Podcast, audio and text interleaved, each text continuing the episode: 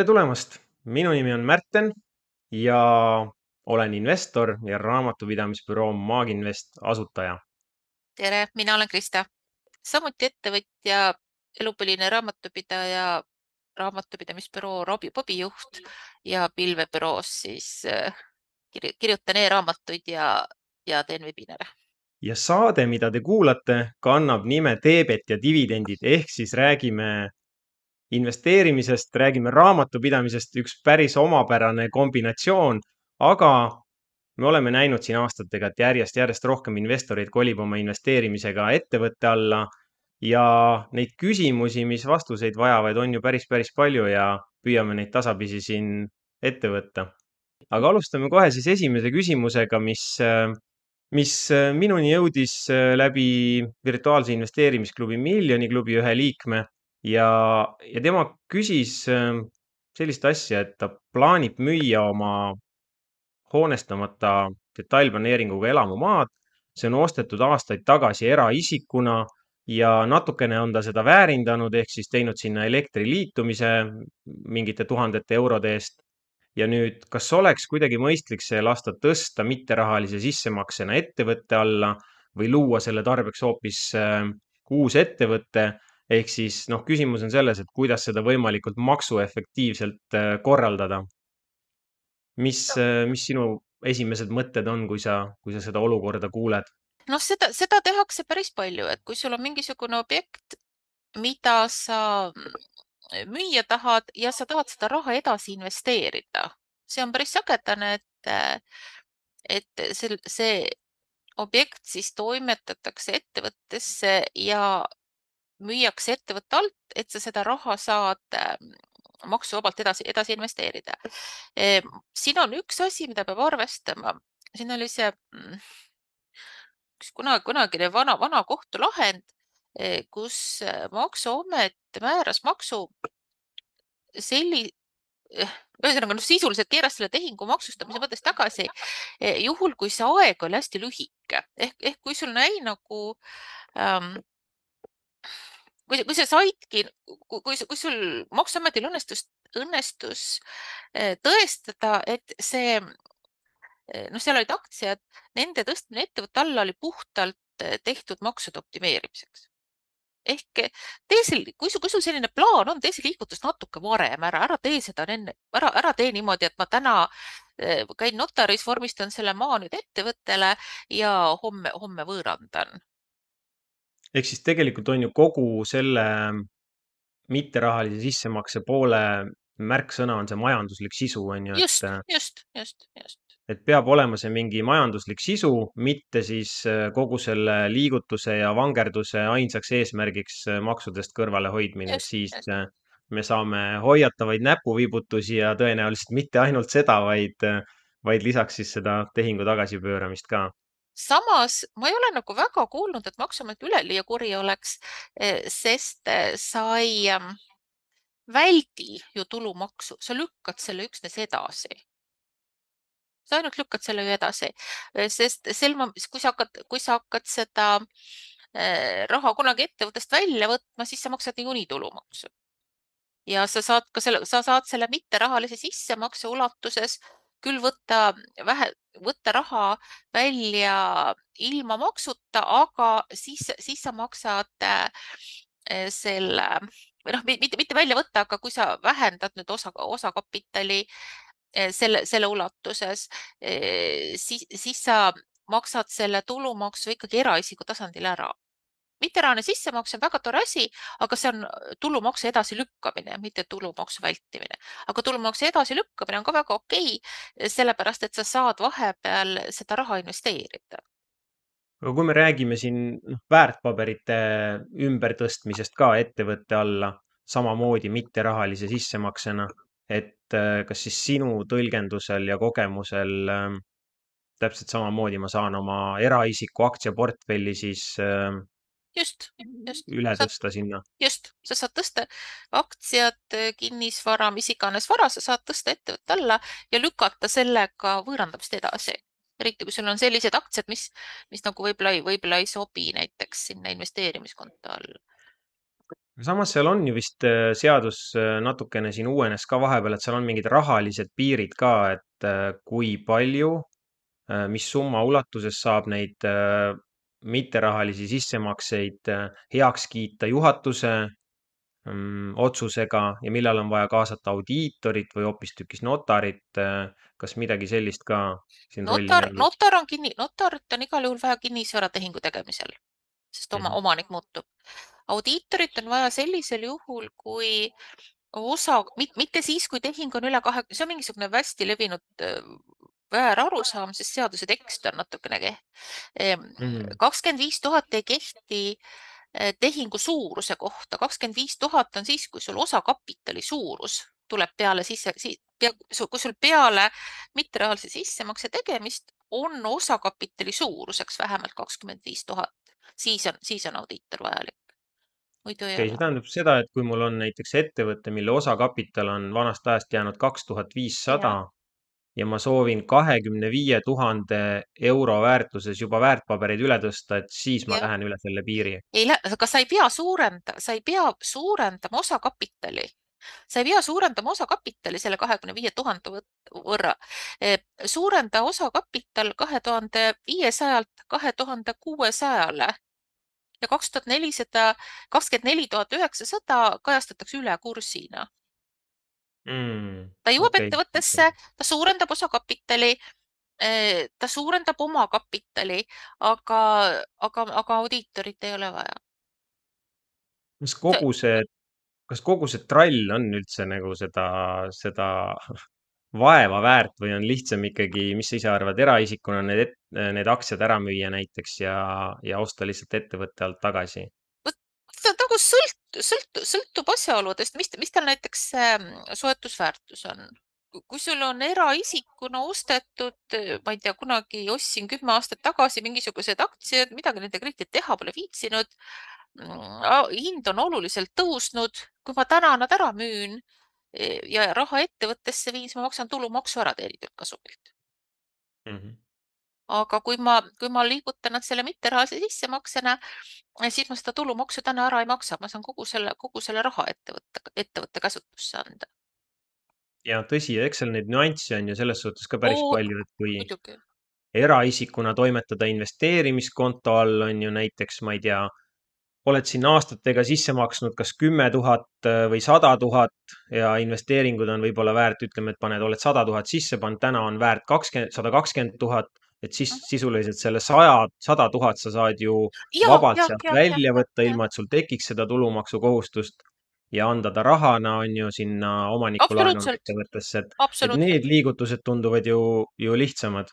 Nee, absoluutselt, absoluutselt, aga seal peabki, peabki nagu hindama, et mis asjad on. Ja, ja teine teema on see, et ju päris paljud investeeringuid meil tänasel päeval ikkagi investeerimiskonto alla ei mahu. kas sa sellest oled kuulnud, mis sellest plaanist on saanud, et investeerimiskontot laiendada, seda skoopi? ei ole, et mul oli üks otselink, kus ma käisin vahepeal vaatamas, et kui kaugel see protsess selles riigiaparaadis on Äh, nüüd ma enam ei ole üldse leidnud ja jälile saanud, et äh, kas see asi liigub või mitte. et kui meil on kuulajaid, kes toimetavad seal suures aparaadis ja omavad infot, et kui kaugel see, see, see ei olnud isegi eelnõu, et see oli mingi eelnõu ettepanek, oli tema nimi vist.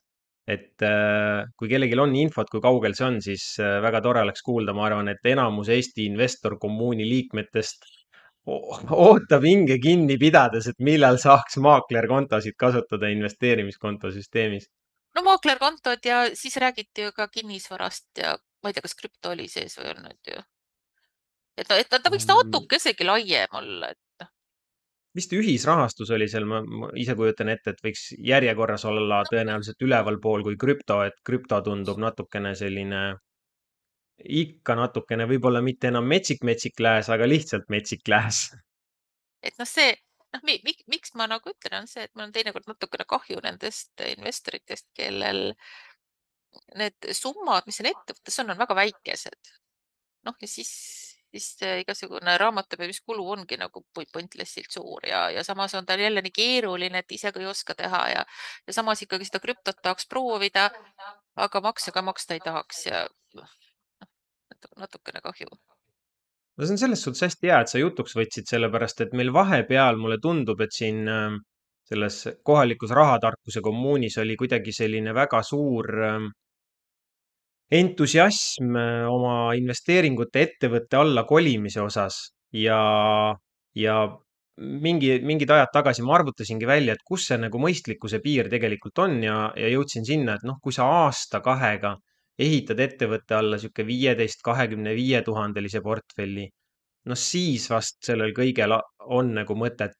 Sellepärast, et äh, sa maksad, on ju, raamatupidamise eest, sa maksad alguses ettevõtte asutamisel äh, riigilõivu, sa maksad leikoodi, kui sa väärtpaberitega tehinguid soovid teha.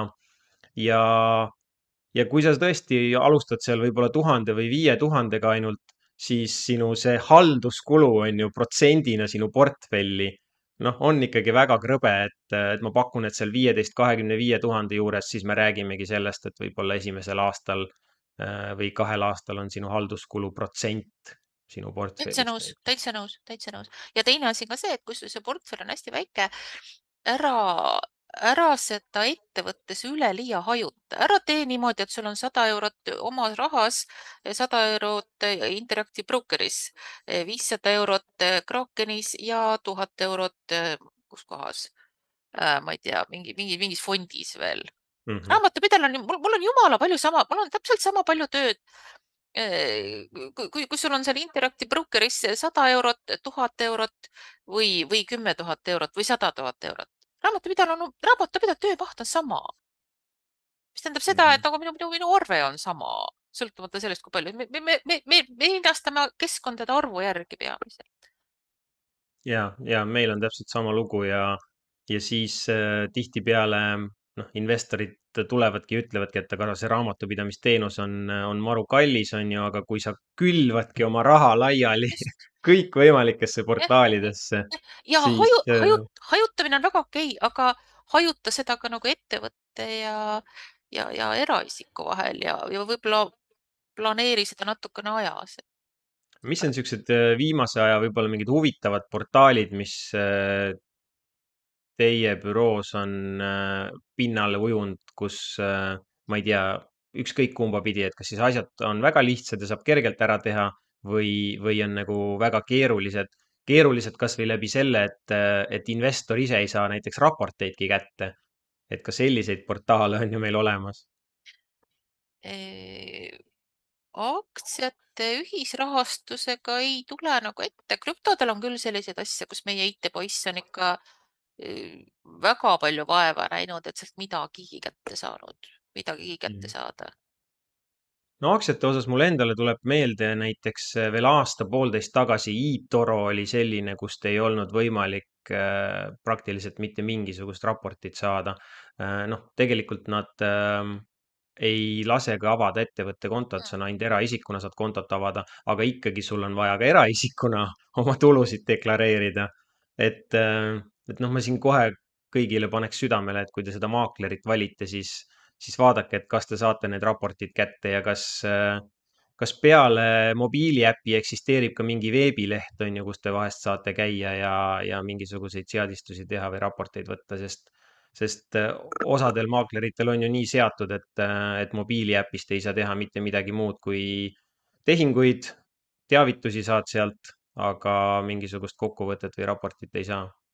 Lightyear hakkas sel aastal nüüd pakkuma ettevõtte kontosid, nende aruandeid ma ei ole veel näinud. ma hoian pöialt, et sealt nagu midagi mõistlikku tuleb. meil, meil on kliente, kellel on Lightyearis konto ja päris, päris hea ja selge ja ülevaatlik raport, sealt saab neid väga erinevaid ka, et, et need standardraportid, mis välja tulid seal, seal oli justkui kõik olemas, koondid olid ilusti olemas, aga juhul, kui nüüd tuleb mängu see see ettevõtte alt dividendiaktsiatesse investeerimine ja soov ähm, seda, seda tulumaksukohustust tulevast äh, vähendada kinnipeetud dividendide tulumaksu võrra, vot siis isinkoode ei, ei olnud, on ju, et, et seda, seda DST lisa ära täita, et siis uh, -huh. siis need isinkoodid sai ühest äh, mingisuguse teise nimega raportist, mille nime ma enam praegu ei mäleta. no kui nad on olemas, siis noh, see, see on nagu sihuke kuule, aga ma küsin ühe küsimuse veel, mis äh, jõudis minuni läbi Instagrami, dividendinvestor.ee Instagrami konto. ja, ja küsimus puudutas siis kinnisvara ostmist ettevõtte alla, et kui on soov asutada ettevõte ja osta ettevõttele korter ja, ja see korter saab ostetud siis nii-öelda uusarenduse korterina otse arendaja käest ja loomulikult sinna siis tuleb see käibemaks on ju müügil otsa. Ja, ja nüüd oligi küsimus, et, et kui registreerida oma ettevõte käibemaksukohuslasena, et kuidas need asjad siis käivad, et kas ma saan sealt mingit käibemaksu tagasi, mitte. ta veel lisas, et ta plaanib hakata välja üürima lühiajaliselt seda korterit, et tõenäoliselt siis Airbnb, mitte, mitte pikaajaline rent. kui ta üürib mitte rahaliselt tagasi, siis ta on igati õigust, siis on, siis on ta igati, igati õigustatud, maksuamet kindlasti kontrollib üle. See on sisuliselt, ta on, ta on pöördmaksustamine, eks sa, seda, seda käib, sa maksad ikkagi sellele müüjale ära ilma käibemaksuta osa ja see käib lihtsalt läbi käibedeklarite. ehk sa mingisugust noh, ühesõnaga sa saad natuke, natuke vähem maksta ja sa saad selle tagasi, tagasi nii-öelda arvestada. Ja, ja see on siis kümme, kümme aastat pead seda korterit kasutama siis selleks käibemaksustatavaks käibeks.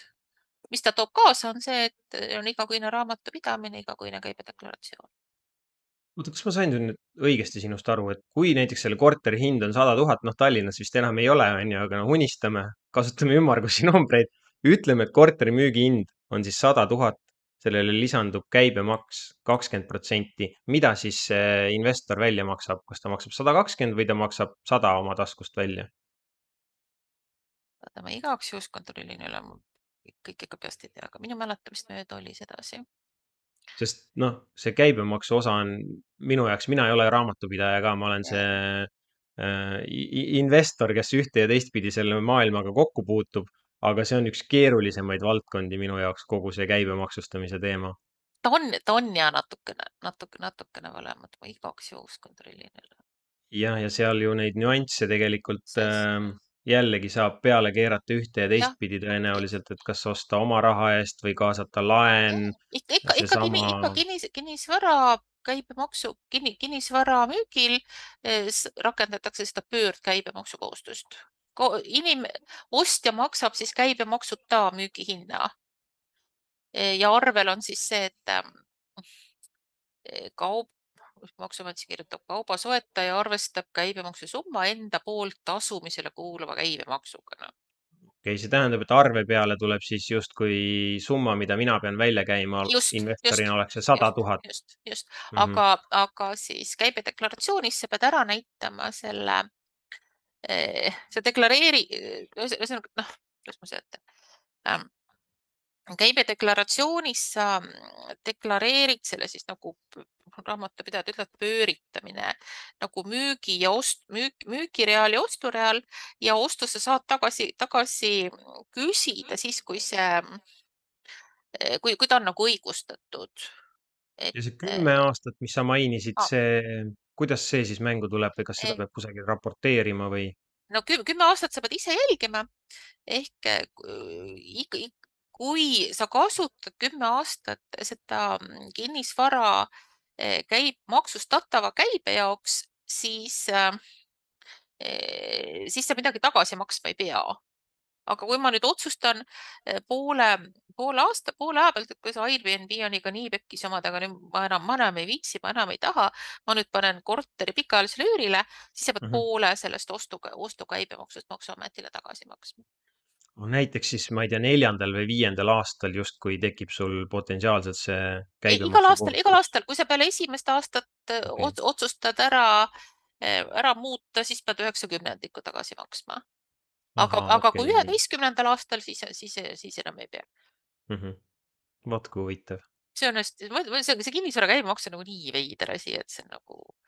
Või, või ma panen nagu südamele, kui see, kui küsi enne üle, kui sa plaanid, küsi enne üle, no küll ma olen, küll ma olen neid pidanud eh, kaklema ja paitama ja lohutama neid inimesi, kes on mingi käki kokku keeranud, noh no ta ei tea, ta ei tea, ta ei saagi teada, aga lihtsalt on, jäta, jäta omale meelde, et kui sul on suured tehingud ja mingisugune käibemaksu teema, küsi enne üle, enne kui sa midagi teed kuidas sa üldse nagu soovitaksid, ütleme, et äh, mina, ma olen super hea näide siin praegu.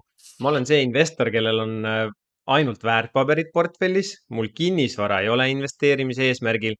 nii, nüüd, kui ma, mul on ettevõte olemas, nii, nüüd, kui ma tahaksin soetada kinnisvara pikaajalise väljaüürimise eesmärgil, siis äh, kuidas ma seda kõige mõistlikumalt siis teha võiks, äh, kui me räägime ettevõtte alla selle kinnisvara soetamisest? Kui sa, kui sul on, kui sul on investeerimisettevõte, sul on äh, väärtpaberid, siis see suure tõenäosusega ei ole käibemaksukohustuslane. Äh, Eh, i- no nii, nii, ütleme, et eh, ei ole. ütleme, et ei ole. ja kui sa plaanid pikaajaliselt välja üürida, siis see on ka maksuvaba käive. Ehk mingit käibemaksu teemat sul ei olegi, sa ignoreerid käibemaksu täies ulatuses. ja nii on. aga see tähendab siis seda ka, et kui ma soetan selle korteri ettevõtte alla, hakkan teda välja üürima, aga siis mul on vaja uut diivanit ja uut vaipa, lähen ostan need poest ettevõtte pangakaardiga, siis äh, käibemaksu tagasi ei ei, saa. ei, ei, ei. pikaajalise renti, pikaajaline rent on väga selgelt maksuvaba käive, seal ei anna aga mitte midagi kui valida. mul on lühiajalise rendi ehk mingi Airbnb korter, siis kõikide oma diivanite, telekate ja muu pudi-padi pealt saan selle käibemaksu tagasi või? just, saad. okei okay,, okei okay ja seetõttu on inimestel vahetevahel ka mitu korterit. ahaa, okei okay,, nüüd ma sain aru, see oli väga peen vihje, et üks on pikaajalisel äh, rendil, teine on lühiajalisel, aga mine sa võta kinni, et, äh, et kumba korterisse see diivan läks. sa aga, aga, äh, aga, aga jäägi, kasutame ikkagi sellist talupoja mõistlikkust. Kuule, väga tore. ma loodan, et need äh, potentsiaalsed kinnisvarainvestorid ja juba tegutsevad kinnisvara, kinnisvarainvestorid said siit küll praegu päris äh, häid äh, nippe ja, ja tähelepanekuid. aga enne kui me siin selle värske podcasti esimese episoodi salvestamisel record nuppu vajutasime, siis, siis sa mainisid, et sa käisid ühel huvitaval konverentsil mõned päevad tagasi ja kuulsid seal ühte koma teist, et et jagame siis kuulajatega ka, et mis seal huvitavat silma jäi, missuguseid infokilde jagati, missuguseid ähvardusi edastati nendele investoritele ja ettevõtjatele, kes ilusti mööda nööri ei suuda käia või ei viitsi käia. no võib-olla jah, see, see oli raamatupidajate kogu aastakonverents, eh, kus olid muuhulgas kohal ka Maksuameti peadirektor ja siis eh, rahandusministeeriumi asekantsler kes siis rõõmsalt ja, ja siis noh, Evelin Liivamägi, kes noh, hästi-hästi asjalik naisterahvas. E, ja tema ütles siis sellist asja, et ähm, Eesti ettevõtted on olnud äh, siiani päris äh, korralikud maksumaksjad. noh, ajad on olnud, ajad on ju pikalt olnud ka head ja, ja eks heal ajal on ikka kerge, kerge, saad makse ka kergema südamega maksta aga seoses äh, aegade halvenemisega on ettevõtete maksukuulekus oluliselt vähenenud. ja Maksuamet peab nüüd hakkama usinamalt tööd tegema, et maksud ikkagi kokku korjata, nii et ja siis Maksuameti peadirektor noogutas kuulekalt pead nii, nii et suu, et äh, su, suure tõenäosusega maksuamet ja noh, kuna riigikassa on tühi, siis Maksuamet äh, suure tõenäosusega ikkagi meil natukene pla plaanib aktiveeruda. nii et mm -hmm. hoid, hoid, hoidke oma asjad korras, palun mm. -hmm. huvitav, aga mis val vallas see aktiveerumine tavaliselt käib, et mis see kõige lihtsam hoob nende jaoks on, kas mingisugused aktsiisid, käibemaksu pool, tulumaksu pool mm,? on sul aastatepikkuse kogemuse pealt kuidagi mingeid no, tähelepanekuid? no millega nagu, millega nad on pidevalt tegelenud, on ju see ähm, igasugused käibemaksu nagu suuremad käibemaksupettused, noh, meil kunagi olid siin mingid arvevabrikud mm -hmm. ja noh, ja siis ma olen ise pealt näinud, kuidas maksu, maksuameti kaks bussi tuli ja e, tegi aheliku ümber ühe ehitusobjekti ja hakkas töötajate dokumente kontrollima. nüüd meil oktoobrist ju rakendus see mingi ehitusplatsil olevate inimeste kohustuslik registreerimine noh, see, see, see on kahtlemata neil üks, üks kampaania ümbrikupalgad on kahtlemata ikka, ikka veel mingid teatud valdkondades on teema ja noh, sellega nad on kogu aeg tegelenud. E, millega nad ei ole tegelenud, on kogu see sõiduautode maksustamine ja igasuguste automaksude äh, valguses ma miskipärast kahtlustan, et see võiks olla üks teema. Mhm. seda, seda keegi seal välja ei öelnud, aga, aga see nagu on üks valdkond, kus saaks suhteliselt väikese vaevaga suhteliselt palju raha kokku koguda. kuule, aga siis on kohe suurepärane võimalus küsida, nii, ütleme, et meil on hüpoteetiline investor, kes ähm, omab ettevõtet ja investeerib läbi selle ettevõtte. ütleme, et see hüpoteetiline investor on natuke minusarnane ja tal on seal ettevõttes aktsiad ainult või noh, väärtpaberid, siis äh, ja ma tahan sinna omale võtta auto. nii, kuidas mul siis nüüd kõige korrektsem toimetada on? Sinu kõige parem eh, lüke on osta sinna elektriauto, Mm, sest elektriauto maksud on väga väikesed.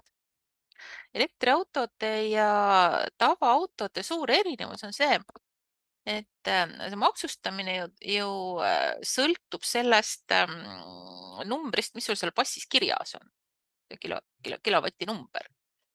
ja elekt- äh,, noh, tavaautol on ta mingi, mis ta seal on, sada, sada midagi mhm. aga elektriauto, kui ma siin natuke nagu tegin, tegin mingit webinari, natuke guugeldasin, leidsin et- ele- elektriauto, kellel see number oli kakskümmend kaheksa. nii et tema aasta, nii et tema see kuumakse tuli mingi mõnikümmend eurot. see erisoodustusmaks siis nii-öelda. erisoodustusmakse, Mhm. eks sa saad kogu selle, kogu selle kulud, kõik saad ilusti ettevõttesse panna, maksad, maksad oma pisikese erisoodustusmakse ära. aga noh, kõik kulud ja kõik, kõik asjad, kõik asjad nagu saab ettevõtte alla panna. et elektriauto on üks väga nutikas asi, mida, mida tasuks panna, mida tasuks kaaluda. okei okay., aga ütleme, et nüüd meil on see investor B, kellel väärtpabereid ei ole ja kelle ettevõtte all on üürikorterite portfell ja kes selle autoga sõidab ringi ratast, viib sinna ükskõik, kas see on lühiajaline, pikaajaline rent, et viib sinna värskeid salvrätikuid ja lõhnavaid küünlaid või veab kipsi ja, ja plaadib seal seinu, on ju. kas tema võib seda kasutada siis nii-öelda töösõi- või arvestada, et see on töösõiduk? no kui, sul, kui sul, vaata, siin on küsimus, küsimus ongi see, et kas sul on nagu eh,, kuidas, kuidas, mis väljend see oli, mis nad seal kasutasid, et kasuta mõi- mõistlikkuse printsiip ja siis oli küsimus, et Mm. kelle, kelle, kelle mõistlikkus, kas see, kas ettevõtja või Maksuameti oma onju. et äh, meil, meil ei ole nagu nii täpseid juhendeid, aga ta on ikkagi nagu no kas sul on seda nagu autot reaalselt tööks vaja või ei ole, no kui sul on seal, kui sul on ettevõttes ainult üks suur aktsiaportfell, no kuida-, noh, milleks sul seda ettevõtet, milleks sul vaja, milleks sul seda autot vaja on? Mm -hmm. sellisel juhul maksa oma erisoodustusmakse ära ja vali selline auto, millel see maks on hästi väike. siis ta vaatab, noh, iga investor oskab ikkagi natuke Excelit kasutada, et su suudad ju välja arvutada, et Mm -hmm. et kas ta on mõistlik või ei ole. kui ta on äh, nagu tööks igal juhul vajalik, noh siis igal ju siis, siis, siis ma arvan, võib, võib ka nende ilma maksudeta hakkama saada. mida peab arvestama? kogu selle automaksu osas oli see kommentaar, et see oli ka, et kas, kas automaks veel muutub ja siis Evelin Liivamägi uhkas ja no, noogutas, et sa mõtled seda uut automaksu, mida just uut, uut automaksu, see, see ja, tuleb ja, ju lisa, see tuleb ju lisaks, et sul täna on see erisoodustusmaks, sul on täna aktsiisid, sul on täna erisoodustus ja see uus automaks tuleb veel kolmanda maksuna ju lisaks. aga mis, ma kahtlustan, et mis, mis ei muutu. elektriautod jäävad hästi madalalt maksustatuks, see, see jääb paika, see on igasuguste Euroliidu rohepöörde arengukavadest juba tuleneb. Teine on see, et mis ka tõenäoliselt jääb paika, on see, et kui eraisikute käes olevate autode automaks hakkas järsult vananema peale seda, kui auto sai viieaastaseks mm, -hmm. siis ettevõtetel seda ei olnud. ehk see praktika, mis meil täna on, et ettevõtetel on igasugused sellised suhteliselt noh, mitte, mitte, mitte, mitte väga uued sellised igasugused kastiautod ja ja kaubikud, et seal, seal peaks, seal peaks nüüd hoolega üle. see, nüüd tasuks natukene, natukene vaadata, et kui vanad on ja vaadata neid kalkulaatoreid ja rapsida ei ole vaja, see info, info, see skeem ei ole paigas, aga tõenäoliselt see ei muutu, et ettevõtted, ettevõtteid ikkagi sunnitakse uuemaid ja säästlikumaid autosid ostma. eraisikutel sa ei saa seda teha, see lihtsalt see, no see oleks nagu maa, maainimeste suhtes päris mm, -hmm. päris, päris karm. no väga põnev ähm,. mulle tundub, et täitsa paras aeg on tõmmata siia esimeseks korraks äh, joon vahele ja selline ta siis sai. esimene osa värskest uuest podcastist nimega Teebet ja dividendid. kui keegi tahab teada, kust see nimi pärineb, siis äh, sellega on üks oma lugu, võib-olla seda jagame järgmisel korral. aga täpselt nagu öeldud sai, selline siis see esimene episood sai ja kui teil on mingisuguseid küsimusi, mis puudutavad ähm, sellist investeeringute kajastamist ettevõtte all, siis, siis täitsa võib neid saata kasvõi näiteks äh, dividendinvestori Instagrami või meie enda kontaktid on ka siin podcast'ide all olemas. Ähm, võib ka e-kirjana küsida, et äh, püüame igas saates vähemalt ühe küsimuse ka ette võtta ja, ja rääkida siis investeerimisest ja rääkida raamatupidamisest jätkuvalt ka järgmine kord. tore, kohtumiseni